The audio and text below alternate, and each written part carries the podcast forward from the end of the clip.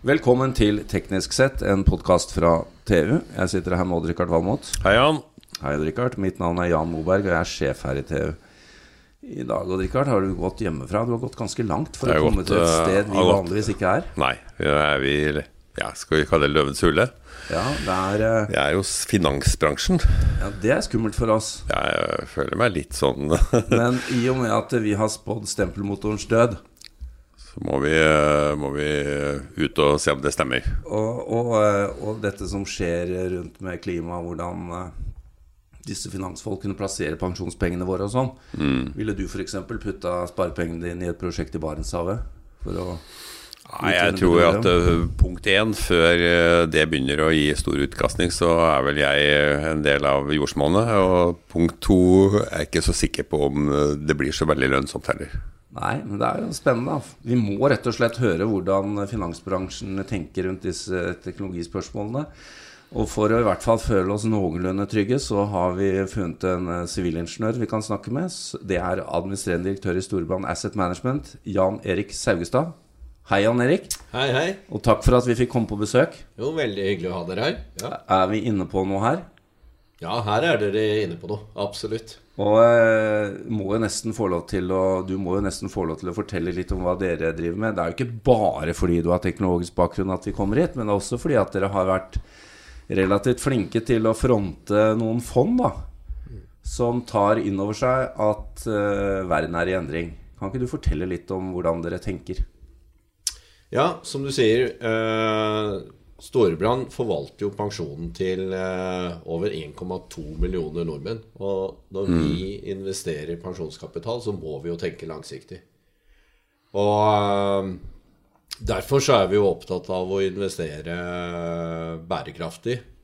Eh, og da er jo en av de store utfordringene som dere er litt inne på, er jo klimautfordringen.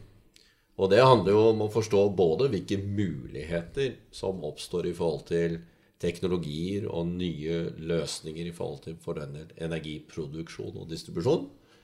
Eh, men også hvilke risiko som ligger i å kanskje fortsette å investere i, i noe eldre løsninger eller eh, teknologier som du var, eh, var inne på innledningsvis her. Men det, det begynte vel litt med at dere hever ut noe som dere ikke vil ha pengene i? Før dere så muligheten i det nye, eller?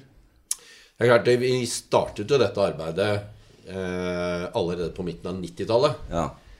Og den gang så var jo debatten eh, rundt dette Jeg kan jo kanskje si den var fraværende, og i den grad det var noe debatt, så gikk det mye mer på, på etiske problemstillinger, hva det var greit å tjene penger på.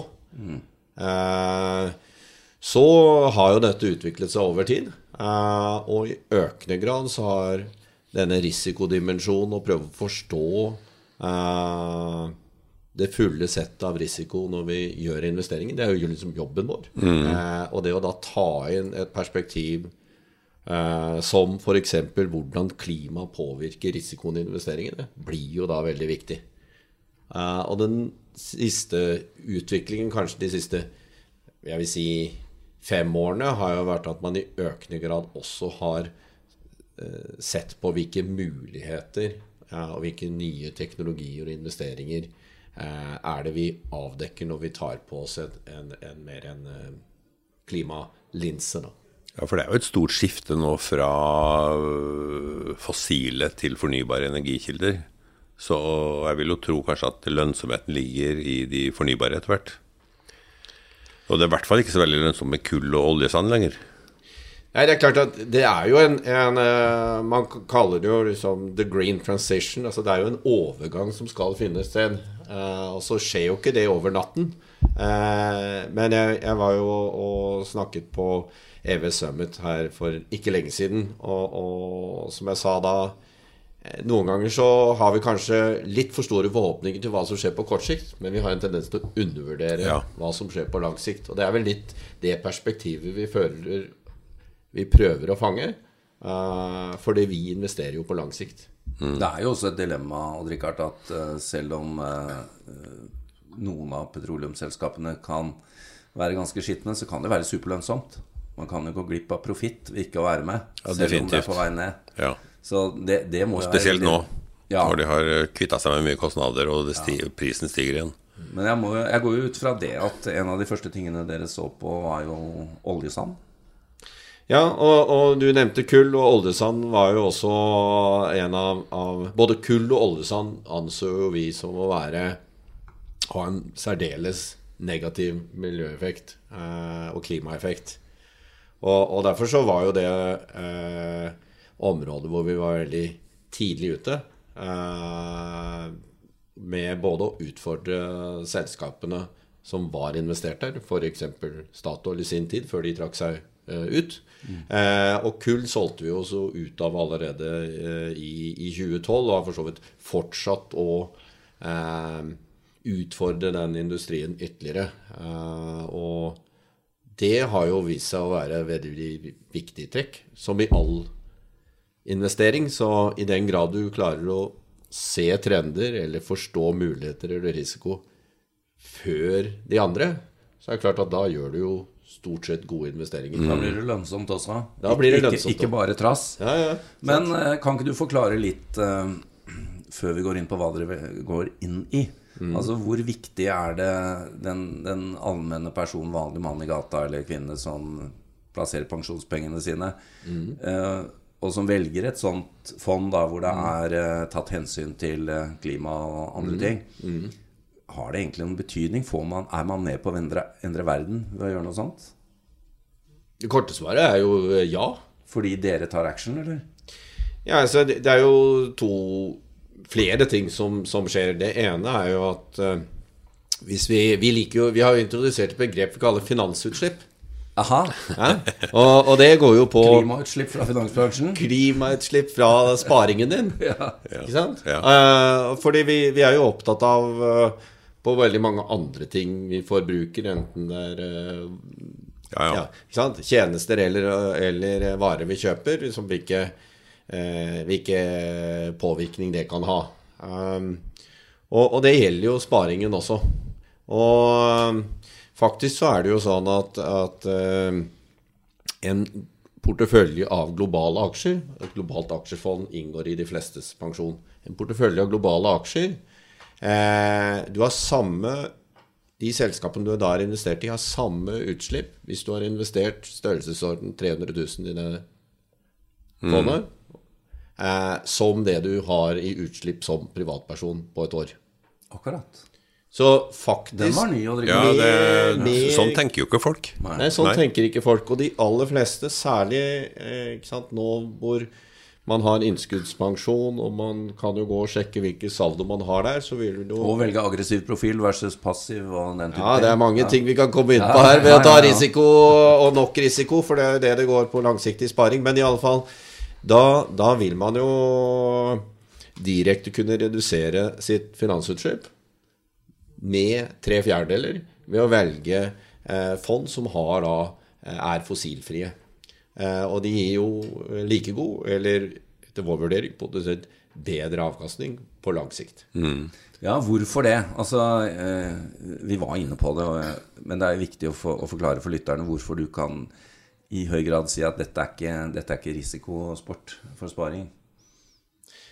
Nei, altså akkurat de eh, løsningene vi har tatt frem der, eh, har jo som ambisjon å gi eh, den som sparer, en, en eh, avkastning som markedet. Altså det skal ikke være en, en, stor risiko ved å velge dette alternativet kontra eh, de, de, fleste alternativer. Eh, og når jeg sier potensielt meravkastning, så er det jo fordi sant, et fossilfritt fond eh, i sin natur da eh, ikke er spesielt investert i, i, den karbontunge delen av verdikjeden. Mm. Eh, derimot og, ja. Ikke, ikke, kull og ikke eh, ei heller, eh, ei heller olje. men derimot er tyngre investert i selskaper som jobber med f.eks. For fornybar energi, fornybar distribusjon, energieffektivitet, Uh, og, ja, og i de globale fondene så har jeg jo sett det at dere er jo inne i ting som Alphabet og Apple og, og store selskaper som jo de er jo en del av markedet. Ikke sant? Så, så det, det er jo Vi har ønsket å lage et produkt som skal være et trygt spareprodukt, Ja. eh, og ikke et spiss nisjefond. Eh, det er ikke noe galt med de, men, men det er klart du skal ikke putte alle sparepengene dine i et spisst nisjefond. Du må ha en, en ordentlig solid portefølje i, i bunn for pensjonssparingen. Men du, bare sånn Hvis eh, Dere er jo en ganske stor aktør i, det, i, det, i det norske og nordiske markedet. Eh, jeg tror dere forvalter drøyt 700 milliarder kroner. Eh, som jo er kjempestort. Det er jo eh, Vårt eh, oljefond er jo større, men det har en helt annen innretning. Men når dere dropper ut av kull og dropper ut av oljesand, vil det ikke da bare være noen andre hauker der ute som tar opp disse tingene og tjener penger på det? Altså Nytter det i det hele tatt å gå ut av det? Det er jo flere ting som, som, uh, som gjør at det, det virker. For det første kan du si at jo flere investorer som velger å selge seg ut av dette Og vi skal huske at pensjonskapital er en vesentlig del av kapitalen. Av verdens sparepenger. Av verdens sparepenger. Eh, så jo mer penger som selger seg ut, jo høyere blir jo det vi kaller finansieringskostnaden for disse selskapene. Ja. Altså, eh, for da vil de investorene som du sier som da eventuelt skal komme inn, eh, de føler de tar en større risiko og vil ha kompensert for det. Så det tyder jo, kan jo bety at færre prosjekter faktisk blir realisert. Ja, Fordi kostnaden, finansieringen av det blir blir dyrere. Ja. Det andre er jo at gjennom å selge oss ut og være tydelig på at vi har solgt oss ut, så er det klart vi påvirker det politiske eh, debatten, og vi påvirker debatten i, i, i eh, media, og vi øker oppmerksomheten rundt klimautfordringen. Så, det- så på den måten så virker det jo også, og det vil jo i sin tur ha betydning for på lengre sikt kanskje hvilke rammebetingelser du får, hvilke karbonbeskatninger de skal, kan få, eh, og hvordan selskapene i sin tur til slutt tenker. Det kan jo hende til og med noen selskaper har lyst til å ha dere med, nettopp fordi dere har den profilen. Ja, det, vi jobber jo faktisk også En del av som jeg sier, eh, vårt arbeid med bærekraftige investeringer er jo å jobbe med selskapene og forsøke å, å, å samarbeide med de i forhold til uh, hvilke løsninger de bør se på, og hvordan de kan vurdere uh, og innarbeide klimarisiko i sine vurderinger. Da. Men dere jobber på lang sikt, øh, og hvis du ser på lang sikt, så skal jo verden elektrifiseres.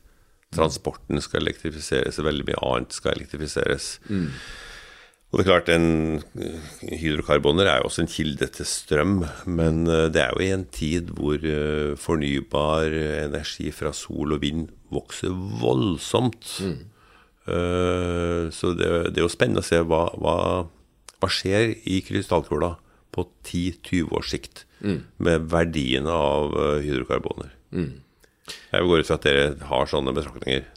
Ja, det er jo litt eh, den, den risikovurderingen som vi var litt inne på man, man må gjøre. Og, og eh, eh, det har jo vært eh, jobbet eh, bra, og, og det er jo blant annet eh, mange internasjonale insentiver, men ett av de er jo da dette som ofte omtales som Bloomberg-initiativet, eh, som går på å se hvordan vil ulike klimascenarioer påvirke selskapene. Eh, og det jobbes med i alle sektorer, og vi er jo en del av det.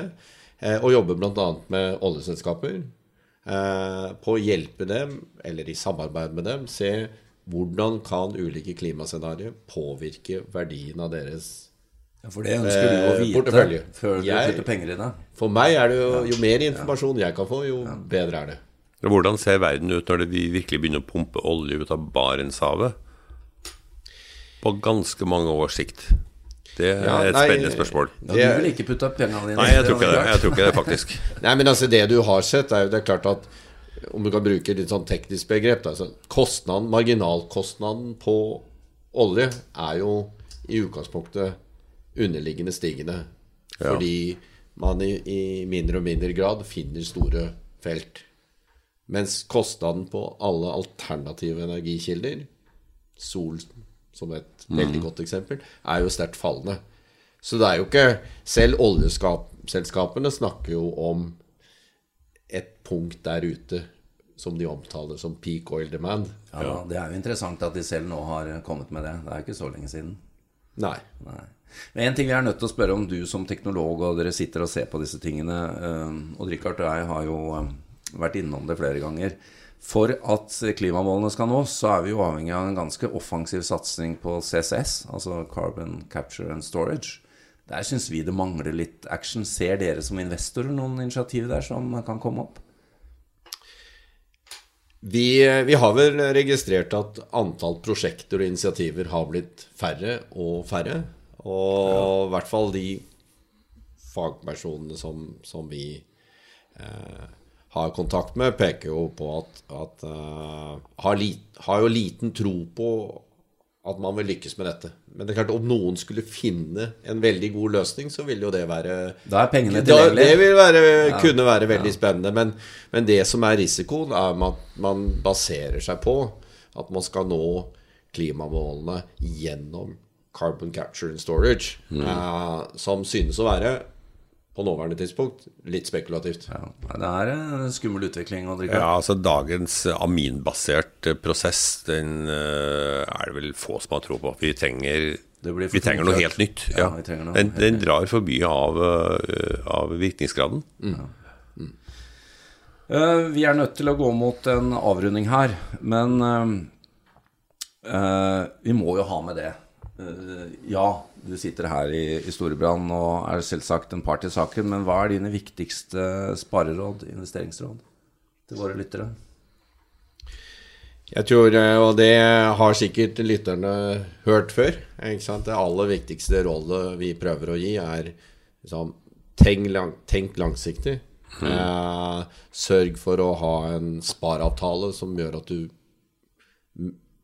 på en jevn basis og, og putter penger til side til sparing, eh, og ikke forsøker liksom å time eh, markedet opp og håpe å si for at det skal stige raskt, eller du klarer at det skal falle. Det er vanskelig. sant? Så ja.